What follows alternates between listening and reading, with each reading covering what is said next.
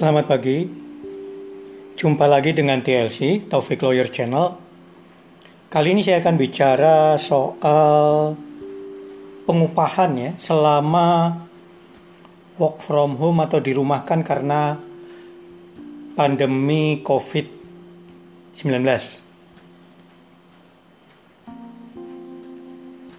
Dalam masa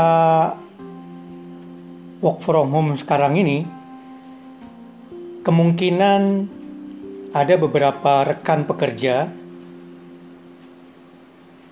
yang mengalami pertama menunggu dalam ketidakpastian.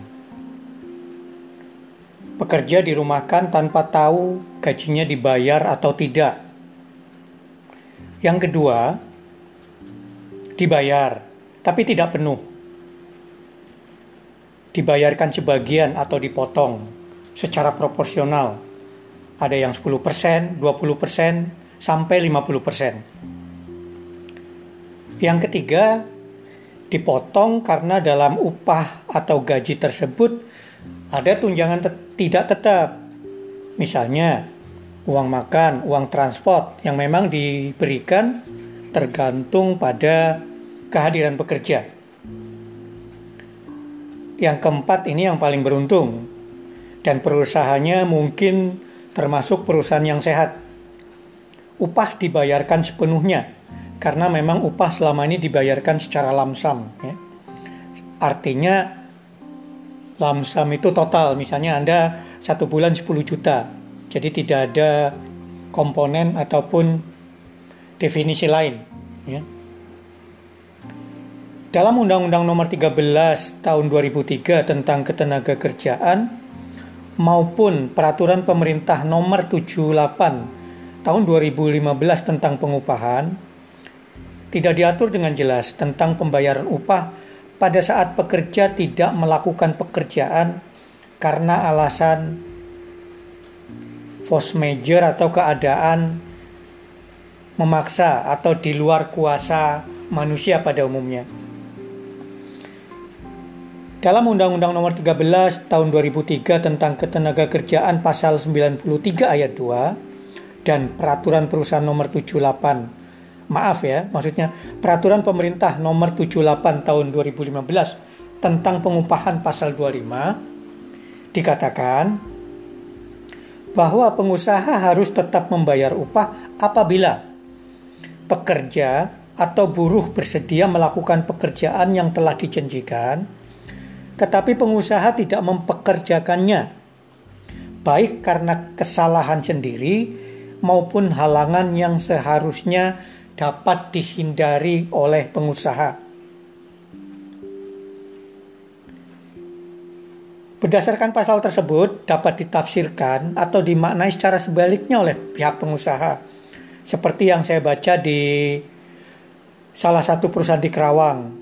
Jadi pengusaha tidak membayar dengan menafsirkan sebaliknya atau yang disebut argumentum a contrario.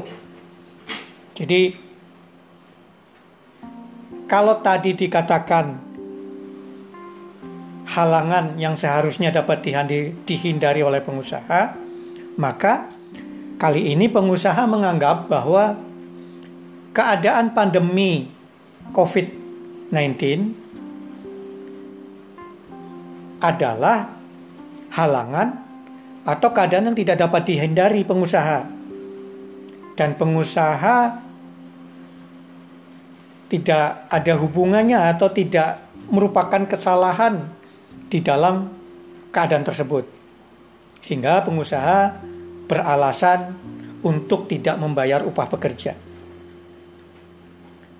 Dalam hal ini pemerintah melalui Surat Edaran Menteri Tenaga Kerja nomor M garis miring 3 garis miring HK titik 04 garis miring 3 garis miring 2020 dalam Rumawi 2 butir 4 dikatakan bahwa apabila pengusaha merumahkan pekerja maka besaran maupun cara pembayaran dilakukan sesuai kesepakatan antara pengusaha dan pekerja. Jadi dalam hal keadaan pandemi COVID-19 ini, Menteri Tenaga Kerja telah memberikan panduan, yaitu tentang cara pembayaran dan berapa upah yang harus dibayarkan, harus diadakan kesepakatan.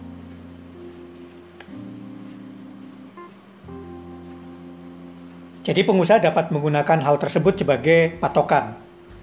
Saya katakan dapat karena kekuatan hukum surat edaran masih debatable Artinya ada yang menganggap itu mengikat, ada yang menganggap tidak mengikat. Karena surat edaran tidak masuk dalam kategori peraturan perundang-undangan.